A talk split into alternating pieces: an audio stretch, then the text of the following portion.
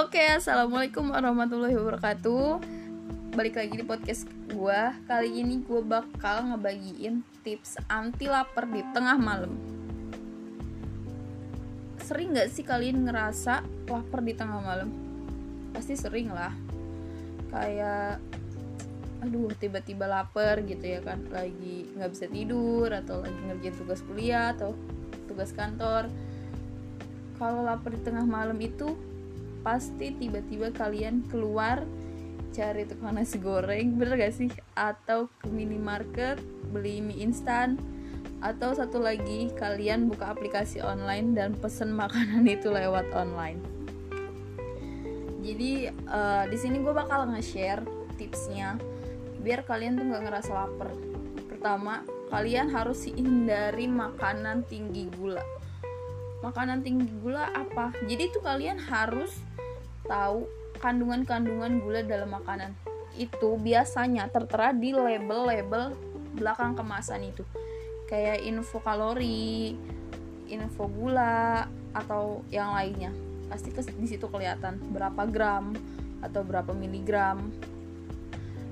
Terus kedua, kalian itu harus makan malam maksimal 2 sampai 3 jam sebelum tidur.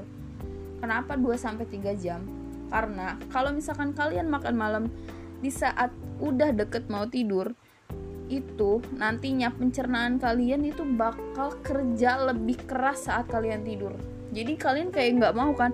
Kasihan juga lah pencernaan, waktunya istirahat masih harus bekerja ngolah makanan yang kalian makan sebelumnya.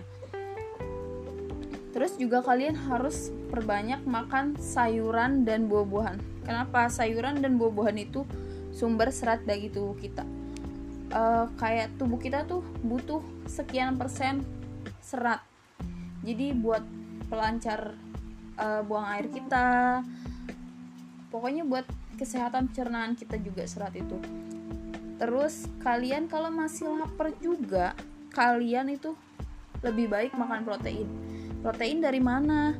Dari dada ayam bisa yang dibakar atau ikan yang dibakar. Telur putih rebus putihnya aja tapi ya kuningnya jangan. Kolesterol. Terus kalian juga harus hindari yang namanya um, minuman kafein dan beralkohol saat malam. Itu tuh bikin uh, kalian mudah lapar di tengah malam Nah, jadi sekian nih podcast kali ini. Kalau misalkan masih ada pertanyaan, boleh DM di Instagram gue di bulan BP15. Terima kasih. Wassalamualaikum warahmatullahi wabarakatuh.